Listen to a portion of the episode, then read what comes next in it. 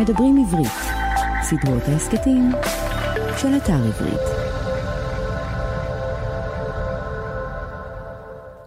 שלום, אני רפי טופז, ואתם מאזינים לסדרת ההסכתים כותבים עברית של אתר עברית. הסדרה הזו היא חלק ממדברים עברית, ערוץ ההסכתים של האתר.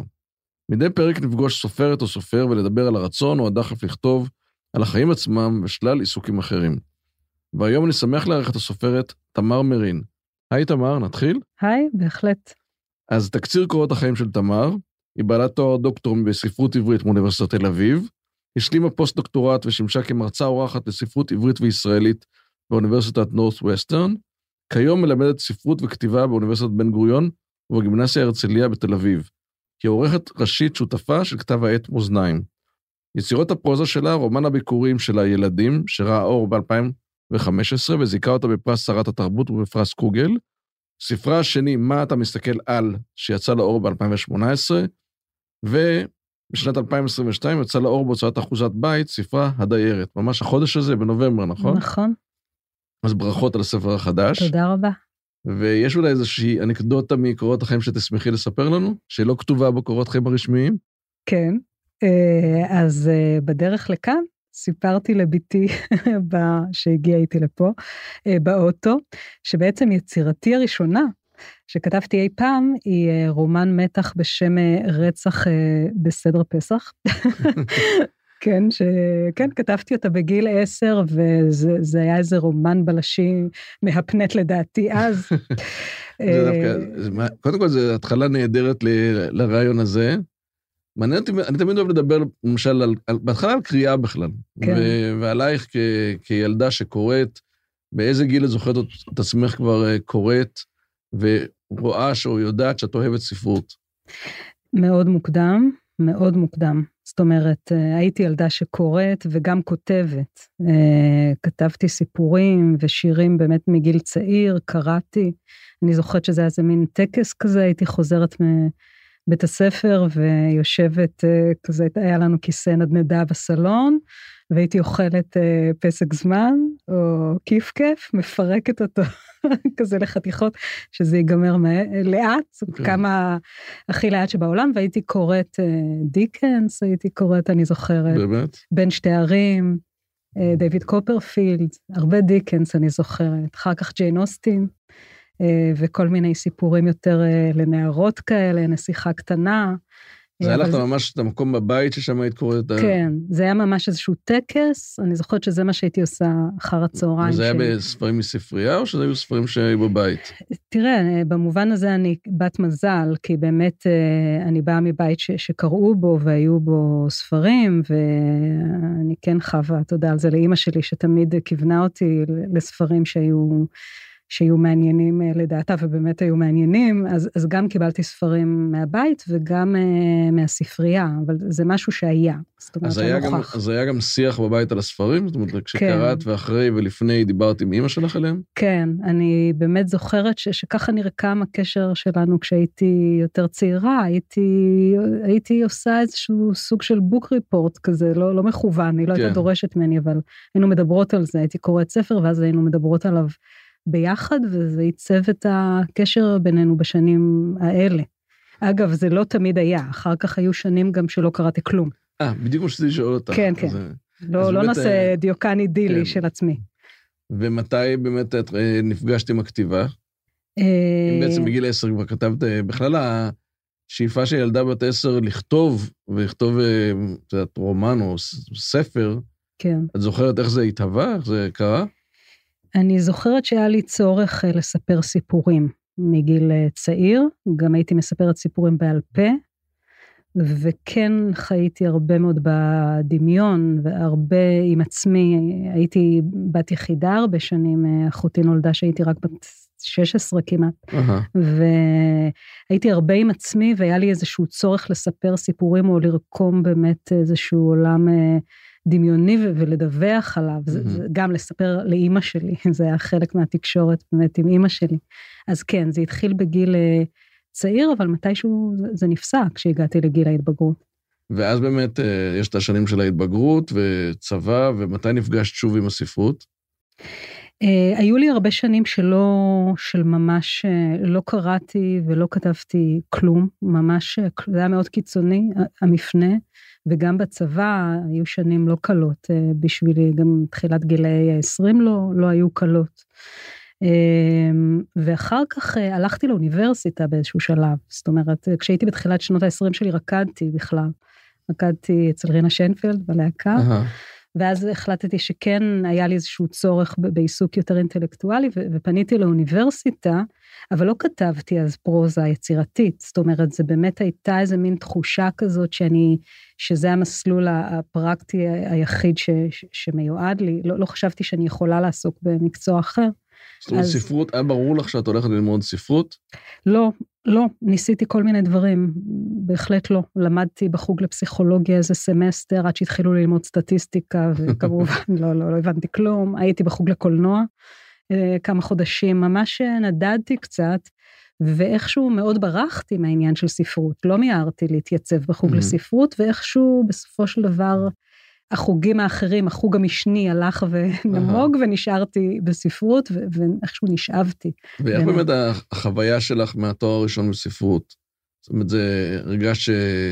שאת במקום הנכון, הרגש שבאמת ההשכלה הספרותית העשירה אותך, עניינה אותך, אני חושבת שבתואר הראשון לא ידעתי כלום, הייתי מאוד אה, מבולבלת אה, בעצמי ובתוך חיי, ועוד לא ידעתי בדיוק מה אני עושה, באמת נדדתי בין חוגים, והספרות הייתה איזה משהו, זה היה האזור הנוח שלי, כי הכרתי את זה באמת מהבית, ובגלל, ה, כן, העבר ש, שהיה לי, והספרים שקראתי, אז זה היה נוח להישאב לזה, אבל אני חושבת שרק בתואר השני זה באמת נהיה איזשהו משהו ש... פתאום הזמינו אותי ללמד, פתאום נהייתה איזו אפשרות לעסוק בזה באופן כאילו כסוג של mm-hmm. מקצוע כזה, או התחלה של מקצוע. אז בעצם את מלמדת כבר מהתואר השני בתור מתרגלת? או... אני לימדתי הרבה יותר מדי מוקדם, גם בתור uh, מתרגלת, וגם בעצם התחלתי להעביר קורסים משלי בשלב מאוד מאוד מוקדם. היום זה נראה לי טירוף וחבל אולי שזה קרה ככה, כי משהו באמת לא, לא נבנה כאילו באיזה אופן אה, אורגני, זה פשוט באמת איזה מין הזדמנות כזאת שנחתה עליי כשעוד לא הייתי לגמרי מוכנה לזה. אבל כן, לימדתי מגיל מאוד צעיר. ואת אוהבת ללמד? אני מניח שמגיל צעיר זה את אוהבת ללמד. אני עדיין מאוד אוהבת ללמד, אה, זה המקום הנוח שלי. זאת אומרת, אני, אני אוהבת, אני אוהבת, uh, אני אוהבת לשוחח עם סטודנטים, אני אוהבת uh, להרצות על ספרות, אני אוהבת... Uh... וכשאת חושבת על ספרות, מה, מה מקורות ההשראה שלך? איזה סופרים או סופרות שהם חשובים עבורך? האם זה השתנה גם לאורך השנים? זאת אומרת, האם היו לך תגליות ב, ב, בעולם הזה? זאת אומרת, האם יצאת מעבר? זאת אומרת, האם זה ספרות עברית וישראלית? איך את מסתכלת על הספרות הבינלאומית? כן, זה עבר uh, הרבה שינויים. אני חושבת שבאופן טבעי, ב, ב, נגיד בבית גידול שלי קראתי הרבה ספרות אה, מתורגמת, קראתי יותר באמת ספרות אנגלית אה, ואמריקאית וצרפתית. אה, המפגש עם ספרות עברית התחיל רק בעצם בדוקטורט, זה התחיל באיזה מין כזה, היה ברור שה...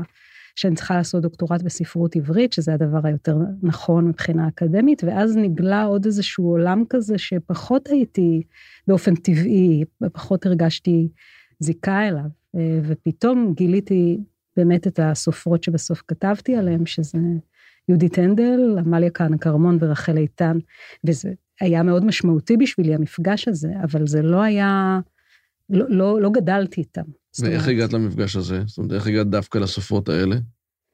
Uh, אני מבינה בדיעבד ש, שזה היה צורך uh, ש, שקשור לרצון שלי עצמי, לכתוב ובעצם uh-huh. להיות סופרת בפרוזה, אני, אני מבינה את זה רק בדיעבד. גם בהחלטה לדוקטורט, אגב, הרעיון כן. היה שאת רוצה אה, מסלול אקדמי, הרעיון היה שאת רוצה להרחיב את האופקים לדוקטורט. חשבת לא. על כתיבה בעולמות, בשלבים האלה חשבת על כתיבה? לא, לא חשבתי על כתיבה בכלל. אני חושבת שאתה יודע, המון אנשים, אה, כאילו כולם רוצים להיות סופרים היום. אני לא רציתי להיות סופרת, נורא נורא ניסיתי לברוח מזה. אני חושבת שבאמת היו שנים שרציתי רק איזשהו פתרון פרקטי כזה לחיים, ומכיוון שידעתי ללמוד וידעתי, אתה יודע, לכתוב מאמרים וידעתי להרצות, אז פשוט חשבתי שלהיות אשת אקדמיה זה איזשהו אה, מוצא, זה, mm-hmm. זה מוצא בשבילי מהכאוס הזה mm-hmm. של החיים.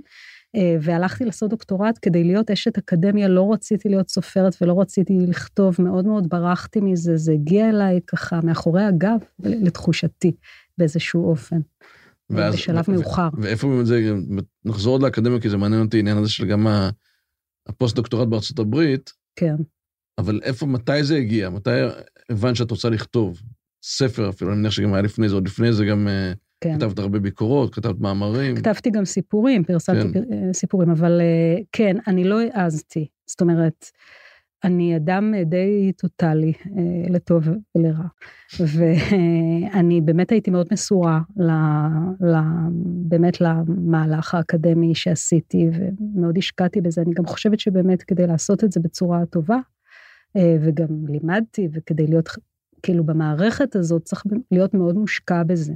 לא ראיתי דרך שבה אפשר גם לכתוב פרוזה וגם לעשות את הדבר הזה בצורה רצינית, אז כן כתבתי כמה סיפורים קצרים שהתפרסמו אה, בכתבי עת, בקשת חדשה, בהו, אה, וכך הלאה, אבל לא הייתה לי את ה... לא, לא העזתי בכלל להתיישב ולכתוב רומן כל עוד אני בתוך המסלול הזה, ובאמת באיזשהו אופן רק כשהמסלול הזה נסגר בפניי, אה, הייתי מסוגלת להגיד שאני יושבת ואני כותבת רומן. ואפילו הסיפורים זה מעניין אותי, כי עדיין אין באמת במסלול מסוים אה, החלטה לשבת ולכתוב סיפור. זאת אומרת, אה, המניע, הרצון... זאת לא הייתה החלטה בכלל, זה באמת היה צורך. זאת אומרת, זה היה צורך שגבר עליי, אה. פשוט באיזשהו שלב. באמת, פשוט לשבת אה... ולכתוב, זה סוג של אה, שחרור בעצם מטענים רגשיים. אה... אני חושבת שכן, זאת אומרת, זה באמת אה, לגביי, אני לא, לא רוצה, אתה יודע, לעשות יותר מדי רומנטיזציה של זה, וזה גם כן עבודה קשה, ומעבר באמת לפרץ ההשראה ולרצון לבטא את עצמך, צריך אחר כך לשבת ולשכתב, ואתה יודע, וזה תהליך ארוך, אבל בהחלט המניע הראשוני היה משהו מאוד לא רציונלי, מאוד לא מודע.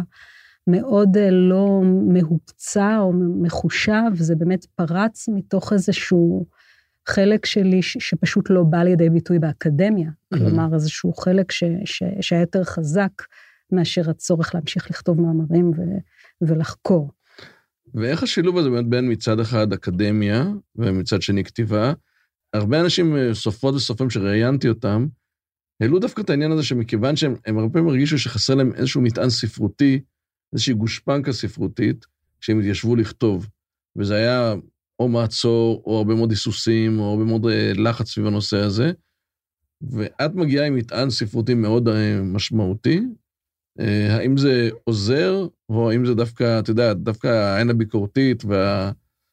את יודעת, העבודה המחקרית שאת, כל הזמן סביב הנושא של המחקר הספרותי, מעיקה עלייך בהאם אני מסוגלת לכתוב, מה רמת הסיפורים שלי, מה רמת הספרים שלי?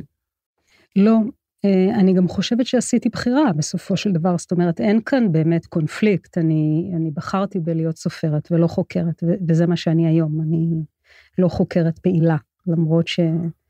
יכול להיות שיש בי גם את הצד הזה ולא צריך להתכחש לו, אני עדיין אוהבת. כן. אני כן אוהבת לכתוב על ספרות, אני כן אוהבת לכתוב מסות ספרותיות, אבל אין לי שום צורך היום לכתוב פשוט את זה באופן הנורא מסוים הזה של כתיבה אקדמית.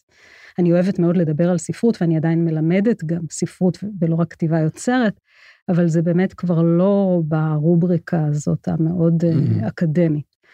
אה, ואני כן מרגישה באיזשהו אופן שדווקא הרקע האקדמי הכין אותי לדבר הזה. זה דבר טוב שיש לי לומר דווקא mm-hmm. על האקדמיה בתוך ה... אני מרגישה שאחרי שכתבתי דוקטורט, אתה יודע, לכתוב דוקטורט, זה גם איזה מין יצירה ארוכה כזאת, זה צריך איזה אורך נשימה, ויש מבוא, יש פרק ראשון, פרק שני, זה מין מהלך, אתה בעצם מספר איזשהו סיפור, במקרה שלי זה היה סיפור היסטורי, ספרותי, על הולדת, ה, כאילו, הקנון הנשי האלטרנטיבי, אבל זה גם סיפור שסיפרתי, וצריך בשבילו אורך נשימה וסבלנות, והרבה תכונות שנדרשים להם גם אחר כך בשביל לכתוב רומן. אז אני מרגישה שבאיזשהו אופן זה הכשיר אותי כתיבת הדוקטורט הכשירה אותי ליכולת לשבת ולראות איזה אופק לכתיבת יצירה ארוכה, לא רק, אתה יודע, סיפורים נורא קטנים או פרגמנטים. וההחלטה אחרי שסיימת דוקטורט, לנסוע לארה"ב לפוסט-דוקטורט, כן. מה היו השיקולים? מה היה הרצון? אה, אני חושבת שהייתי אז עדיין מאוד עמוק בתוך המסלול האקדמי, לא ראיתי לי, באמת לא ראיתי לעצמי אז אופציה אחרת אה, של חיים. אה, ופשוט התקבלתי באמת לאיזושהי תוכנית מאוד שנחשבה ליוקרתית, והייתה כרוכה גם באמת במחקר וגם בהוראה, ב, אתה יודע, בנורט ווסטרן, שזו אוניברסיטה מאוד טובה בארצות כן, הברית. כן, בשיקגו.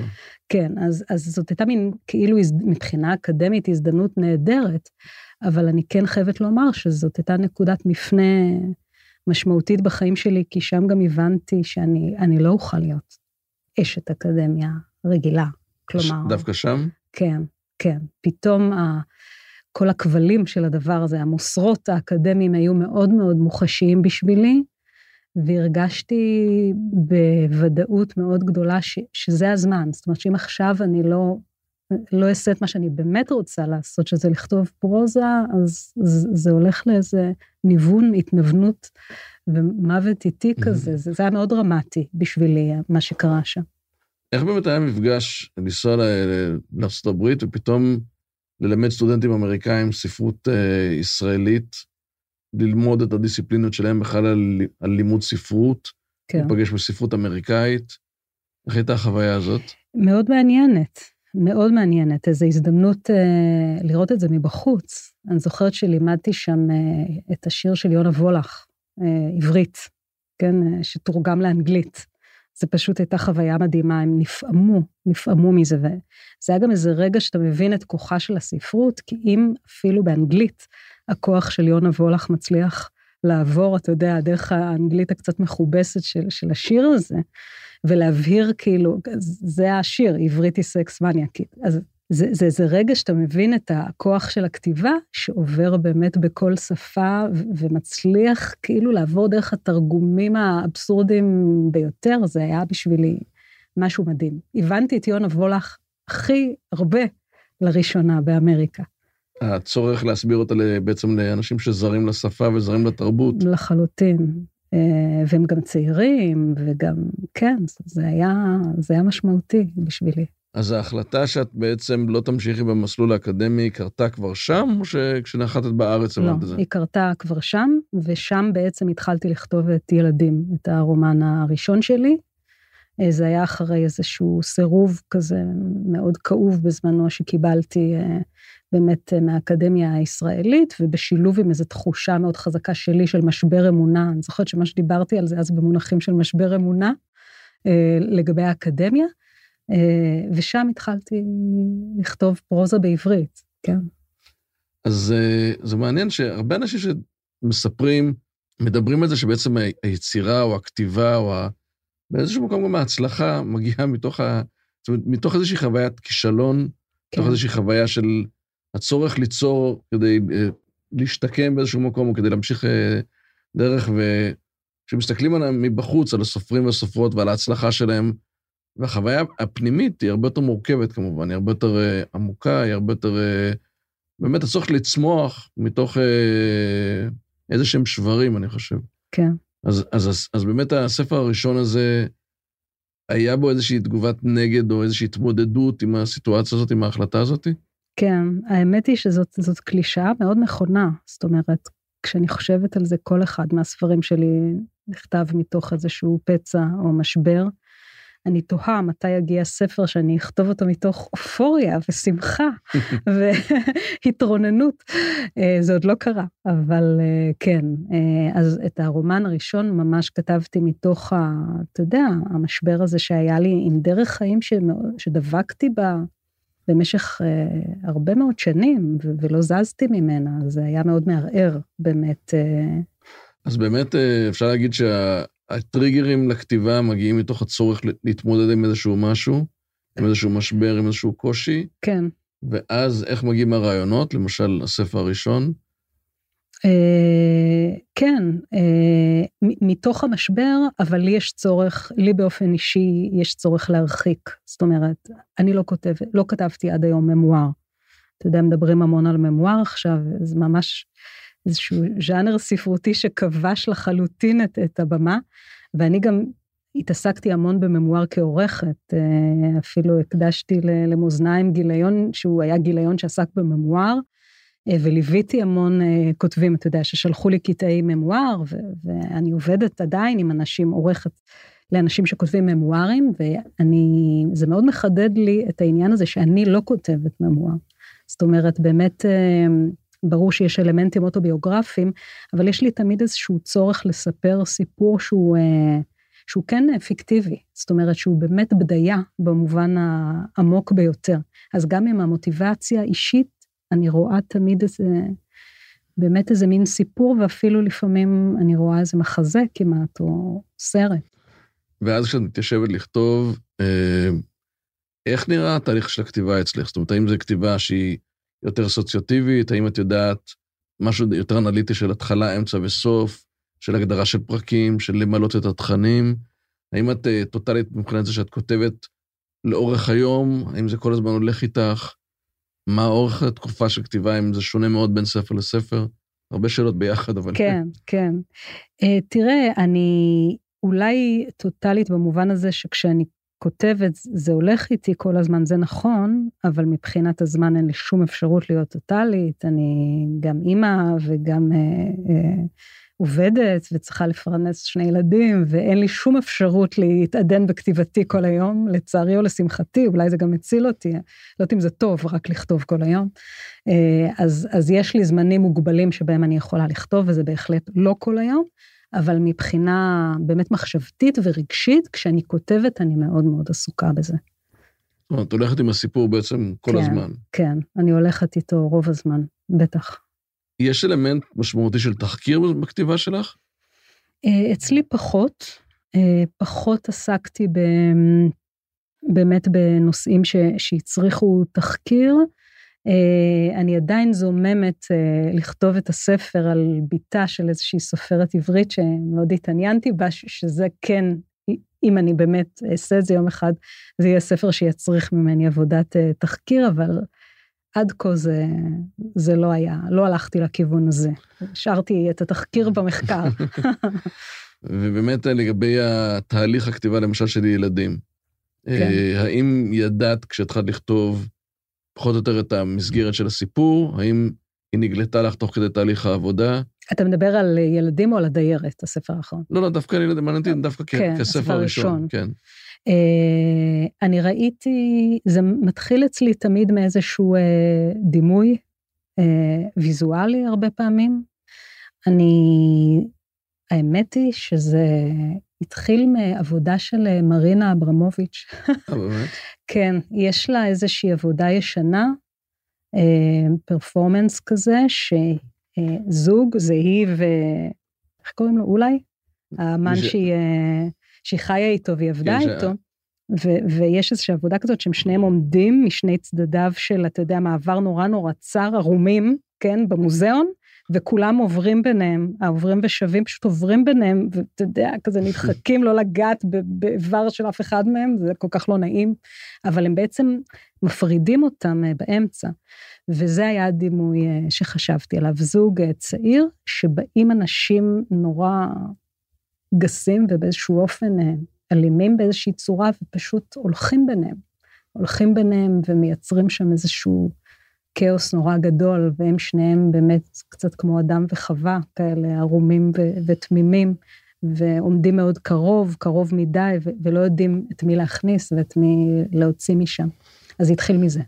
ומאותו רעיון את מתחילה לכתוב איזה דמויות נוספות לאט לאט לסיפור? כן, כן, זאת אומרת, אני רואה איזשהו רעיון כללי, שבאמת איזשהו דימוי שהוא גרעין לסיפור שיכול להתפתח, והדמויות נוספות לתוך ה... אני רואה מבנה, אני כן רואה איזשהו מבנה כללי, אני אפילו כותבת לעצמי. את, את העניין המבני אני הרבה פעמים כותבת לעצמי, ואז הדמויות אה, נכנסות. וכשאת משווה את זה באמת לספר לדיירת שיצא החודש, ו... כן. וקראתי אותו ומאוד... אה, תמיד חושבים להגיד המילה נהנית היא מילה נכונה, אבל מאוד... אה, עברתי תהליך והיה מאוד מרשים מבחינתי. תודה.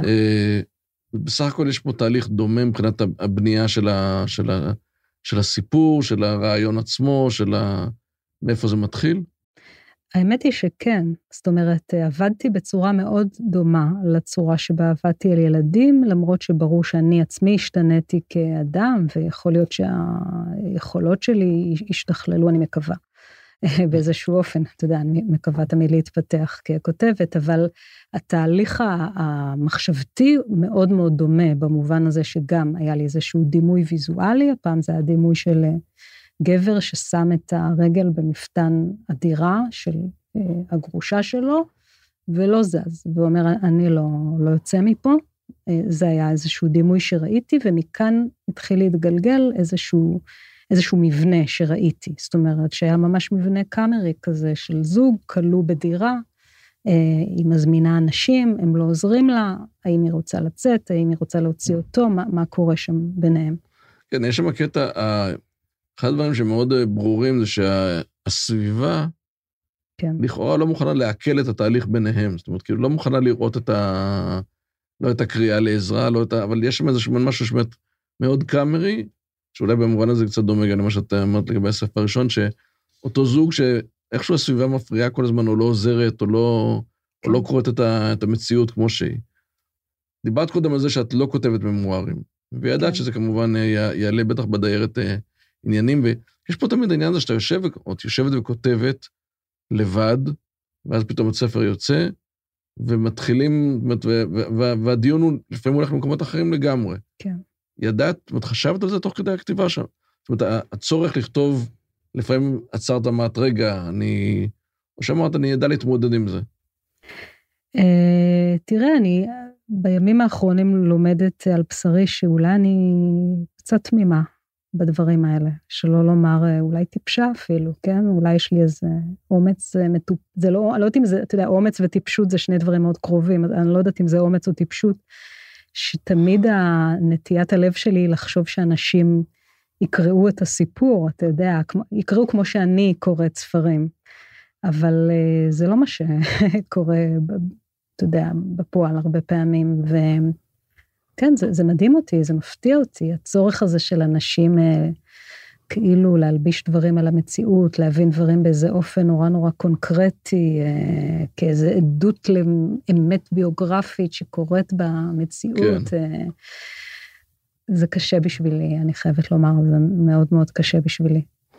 באמת, גם בכלל התהליך הזה של באמת מי המשהו המאוד אה, הלבד בחדר, כן. מאוד אישי. אתה מדבר על יציאה, החשיפה. כן, החשיפה, היציאה לעולם בעצם. כן, כן. Uh, עברת את זה כבר פעמיים קודם, עכשיו כן. את עוברת את זה פעם שלישית. כן. אגב, יש שוני בין הפעמים, זאת אומרת, את מרגישה דברים, זאת אומרת, החוויה היא אחרת, מגיעה יותר מוכנה, uh, כן. או שהדיירת הוא יותר מורכב מבחינתך, ולכן את פתאום נתקלת בדברים שלא נתקלת בהם קודם. Uh, אני מרגישה שילוב בין שני דברים סותרים. מצד אחד, אין ספק שאני יותר מוכנה, ויותר אה, חזקה באמת, ב, אתה יודע, בכתיבה שלי מול העולם, ו- ואני מרגישה שאני כן יודעת מה החוזקות שלי ו- ומה עשיתי. ובמובן הזה אני עצמי מגיעה יותר אולי מוחזקת. אה, מצד שני, אני כן מרגישה שהספר הנוכחי זכה אה, באיזשהו אופן ליותר חשיפה, או חשיפה יותר אינטנסיבית כזאת, ש, ש, שגוררת המון המון תגובות, אה, חלקם מדהימות ממש, וחלקם אבל קשות, מהסביבה, ולזה לפעמים קשה להיות מוכנים, לחוץ. זאת אומרת, אני, אני לא יכולה, אני יכולה לשלוט על עצמי, אני לא יכולה לשלוט כן. על החוץ, והחוץ, אתה יודע, זה חלק מהעניין, שאנשים, אה, לא, לא כולם אוהבים אותך, ולא כולם... אה, לא, זה. אומר שאנשים בעצם מחפשים מה שלא נמצא שם, כאילו באיזשהו מקום, ואת... את אומרת את זה, ולא כולם מוכנים להקשיב באיזשהו מקום, את אומרת. Uh, תראה, האמת היא שאני חושבת שמי שקורא את הספר עצמו כן מתייחס אליו בענייניות. כן. Uh, והתגובות שאני מקבלת מאנשים הן מאוד, אתה יודע, מאוד כאלה באמת בדומה לתגובה שלך, מאוד אה, גם רגשיות וגם מעורבות, ואנשים מאוד אה, מדברים על זה כסיפור, ועל הרגעים שבהם הוא נוגע בהם, ובכל אחד הוא נוגע באופן אחר. הרגעים שקשה לי איתם הם הרגעים החוץ-ספרותיים, אתה יודע, האופן שבו אנשים מגיבים אליי, כש... אני חושבת שאני וחיי זה הדבר הכי פחות רלוונטי לסיפור הזה כמובן, אז כשמתעסקים בזה, זה, זה פשוט מבאס אותי, אין לי... כן.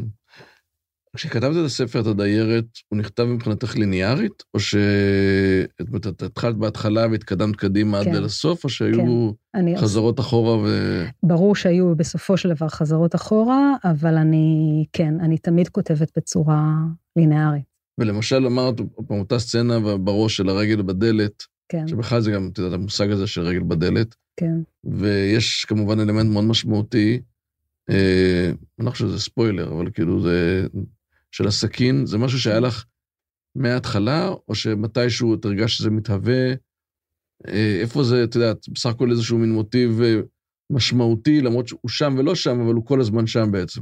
כן. זה משהו ש... שהפתיע אותי גם. זאת אומרת, אה, לא ראיתי אותו בהתחלה. זה משהו שהתהווה תוך כדי הכתיבה, זה התחיל בכלל מבישול ומטיגון שניצלים ומ... ומכל מיני עניינים פרוזאיים כאלה של לחתוך את השניצלים ו... ודברים של היומיום שהם מאוד כאלה נורא חומריים בעצם, ופתאום הסכין הזאת הלכה והשתלטה גם עליי. וקיבלה חיים משלה, ואיזה כוח מיתי כזה, אה, שהפך להיות אה, יותר דרמטי ממה שאני עצמי תכנן, אני מרגישה שנסחפתי אחריה קצת, כן. והסיפור בעצם מדבר, הוא מספר אה, את הסיפור של איה, ואז ממש באיזשהו שלב די מאוחר, יש את המעבר בעצם לאילי, ש... כן. מין איזו תחושה של צורך של להגיד, רגע, למרות שאיה מדברת, או, זה, לא, לא נכתב בגוף ראשון, אבל למרות שאיה היא הדמות, יש פה צד שני שצריך לתת לו את זכות הדיבור בכל זאת גם כן באיזשהו מקום. כן. אה, זה היה לך גם כן ברור מההתחלה, או שגם פה כן. הכתיבה הובילה אותך לשם? לא, זה היה ברור לי מההתחלה, שאני רוצה ליצור ממש סוג של רשומון כזה. אה, זה עניין אותי. זאת אומרת, גם עניין אותי לכתוב דרך אה, נקודת תצפית של גבר, שזה דבר שלא לא עשיתי אותו. אני עשיתי אותו בפעם הראשונה שכתבתי סיפור קצר. הסיפור הקצר הראשון שלי בעצם נכתב דרך נקודת תצפית של אבא, אה, ש, שמסיע שתי ילדות מחוג בלט. קראו לזה קביעות. אה, זה הדבר היחיד שכתבתי דרך נקודת תצפית של גבר, ולא חזרתי לזה. שנים היו לי רק גיבורות נשים. ומשהו בדמות של אילי נורא שווה אותי, וזה חלק שמאוד נהניתי לכתוב אותו. כלומר, הרגשתי שהוא זורם ממני באופן מאוד אה, טבעי למרבה ההפתעה. כן, יש פה איזשהו אלמנט של דמות טראגית. זאת אומרת, אה, כן. באיזשהו מקום ה... בסדר, אני לא רוצה לעשות פה ספוילרים, אז אנחנו לא נמשיך מעבר לזה. כן. אגב, כשכתבת באמת את דמות הגבר, את תוך כדי כתיבה את משתפת? זאת אומרת, אה, יש חברות או חברים שקוראים את ה... או הרגשת איזשהו צורך של דווקא דמות הגבר, עוד מישהו יעזור לך להסתכל על זה, או שהרגשת לא. בטוחה מספיק בעצמך? לא, אה, אני כן הראיתי את, ה... את כתב היד בשלב שהוא כבר, אה, זאת אומרת, אחרי ש... שהייתה לי טיוטה ראשונה, אז כן, הראיתי אותו ל... לחברים קרובים ששמחתי על דעתם, אבל לא תוך כדי, אני לא יכולה להראות דברים תוך כדי הכתיבה עצמה, אני צריכה שיהיה לי משהו, כן. אתה יודע. אה, משלושת הספרים שלך, יש איזשהו ספר שאת קרובה אליו יותר. אני מניח שאם יצאה הדיירת עכשיו, אז זה כמובן עכשיו בראש מעיינייך, אבל כן. עדיין, כשאת מסתכלת מאיפה כתבת, ש... או שכל אחד זה חיבור אחר. אני חושבת שבאמת כל אחד זה חיבור אחר, וכל אחד אה, מייצג בשבילי איזה פן אחר שלי ותקופה אחרת אה, בחיים שלי. קשה לי, קשה לי להצביע בדיוק.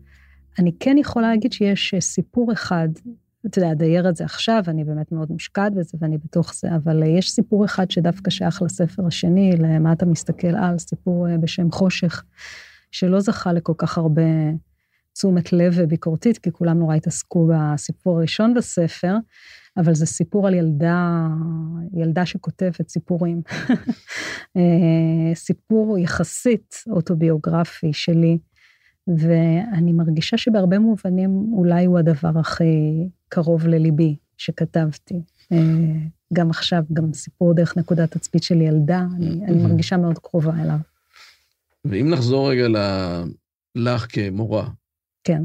את מלמדת גם באוניברסיטה, מהמם. כתיבה, בספרות וגם בתיכון. נכון. קודם כל, איך החוויה? ללמד מול סטודנטים ומול אה, תלמידי תיכון. כן. תראה, התיכון זה דבר חדש אה, שאני עושה באמת רק בשנתיים, שלוש האחרונות, והוא הוא כאילו משהו מאוד אה, אה, שלא היה מוכר לי. אני שנים לימדתי רק אה, באקדמיה, או, או גם לפעמים מחוץ לאקדמיה, אבל באמת רק אנשים מבוגרים וסטודנטים. העניין הזה של פתאום ללמד תלמידי תיכון היה מאוד מאוד מאתגר. ויש בזה דברים מעניינים, אתה יודע, זה הקהל הכי קשה שיש, זה ה-tough crowd באמת. זאת אומרת, כן, אני אה, הרבה פעמים מדבר על ה... את יודעת, אה, איך מתמודדים עם סופרות וסופרים, אה, כן, עולם הטלוויזיה מול עולם הספרות, כן. ושם את נמצאת בכיתה, אני מניח שזה... תראה, יש משהו מהמם בדבר הזה, זה נורא נורא פשוט. הם לא קוראים, הם לא רוצים לשמוע על ספרות, הם לא אוהבים לקרוא, הם לא סובלים את זה, הם לא מבינים למה צריך את זה. ואז אתה רואה בצורה הכי ברורה, אם אני נותנת להם, אתה יודע, אני מביאה לכיתה איזשהו סיפור, שהם מצליחים להרים את העיניים מהאייפונים, אני מבינה שיש פה משהו, וזה נותן לי אינדיקציה כסופרת ממש הכי ברורה על מה עובד בכתיבה. הבאתי להם, אני לא, אתה יודע, אני, אני לא עושה להם הנחות, ואני לא מביאה להם כאילו סיפורים מתקתקים שכולם זה, אני מביאה להם את מה שאני, מה שאני מביאה ל- ומה עובד? לסטודנטים. מה עובד? אה, לפני כמה זמן לימדתי סיפור של קרבר, שמן. סיפור מדהים, כן? איש שמן שיושב בדיינר, והמלצרית אה, אה, נותנת לו, אתה יודע, עוד ועוד אוכל, וכולם נורא צוחקים עליו, אבל היא מרגישה כלפיו אמפתיה בגלל הסיטואציה הקשה שהיא כלואה בה. הם היו מאופנתים. זה היה ברור שמשהו שם, אתה יודע, משהו נורא אנושי, נורא בסיסי, נוגע בהם. משהו על יחסים, משהו על להיות כלואים במצבים שלא רוצים, משהו על להיות כלוא בגוף של עצמך, ועל בושה, ועל דימוי גוף. זה עניינים שבסך הכל מעסיקים גם תלמידי תיכון. ואז אני רואה שהעיניים שלהם מתרוממות, כאילו, מהאייפון, שמקשיבים לי באמת בקשב רב, ושמשהו פה תופס אותם. וזה היה... אני, אני לומדת משהו, אני מבינה, אני מבינה משהו על איך לכתוב, על מה לכתוב. אז, אז החוויה שלך, בסופו של דבר, עם כל המורכבות, היא בסך הכל חוויה חיובית? אה, זה, אני לא יודעת, היא גם זה וגם זה, היא חיובית ברגעים שאני מצליחה אה, באמת אה, לעורר בהם משהו, שאני מצליחה לקרב אותם ל, ל, לספרות שהם לא היו מגיעים אליה, אבל זה, זה גם יכול להיות מאוד מתסכל וקשה, ברור. באמת הקהל הכי קשה שיש. אוקיי. אה, נעבור לשאלון קצר. יאללה, בוקר או ערב? בוקר, טלנובלה או מתח? מתח, את רואה סדרות, דרך אגב? כן, מאוד אוהבת. סדרה שאהבת ב... שאת- שאת עכשיו אני רואה כתר, אה, אוקיי. עף על הכתר, ג'אנק פוד או גורמה? גורמה. פריז או רומא? או, פריז נראה לי. מוסיקה או שקט? תלוי, לפעמים אה, מוסיקה, לפעמים שקט. כשאת כותבת, את כותבת בשקט? כן, עט או מקלדת? מקלדת. יוצא לך לכתוב בעט? כן, אני כן יכולה לכתוב לעצמי רשימות, או באמת בתחילת כתיבה, בתחילת עבודה על ספר, אני משרטטת לי מבנה רק בעט. קר או חם? באוכל? באופן כללי? רוצה. קר. מטרה או דרך? שאלה טריקית. לא. אה, אני רוצה להאמין שדרך, אבל אולי לפעמים אני נכנעת למטרה. והאם תעדיפי תמיד להקדים בשעה או לעולם לאחר ב-20 דקות? לצערי הרב זה לא עניין של העדפה, אני פשוט נוטה לאחר. ולסיום, יש איזושהי שאלה שהיית רוצה שישאלו אותך ועוד אף פעם לא שאלו אותך? וואו. אה, האמת היא שאת ה... באמת את השאלה על, ה... על הילדות, מה הדבר הראשון שכתבת, בכלל, מאז ומעולם. אני לא חושבת ששאלו אותי את זה.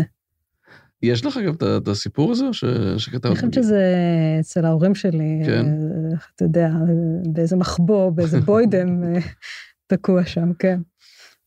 טוב, תודה רבה, תמר, היה מרתק. תודה רבה שבאת להתארח אצלנו. תודה לך, היה כיף. האזנתם לכותבים עברית, סדרת ראיונות עם סופרות וסופרים במסגרת ערוץ ההסכתים של אתר עברית. באתר עברית תוכלו למצוא אלפי ספרים בכל הפורמטים, דיגיטליים, קוליים ומודפסים, וגם, כמובן, את הספרים של תמר מרין. להתראות בפרק הבא. האזנתם לדברים עברית, סדרות ההסכתים מבית אתר עברית, חנות הספרים הדיגיטליים, מודפסים והקוליים הגדולה בישראל. ספר זה וספרים נוספים מחכים לכם באתר עברית.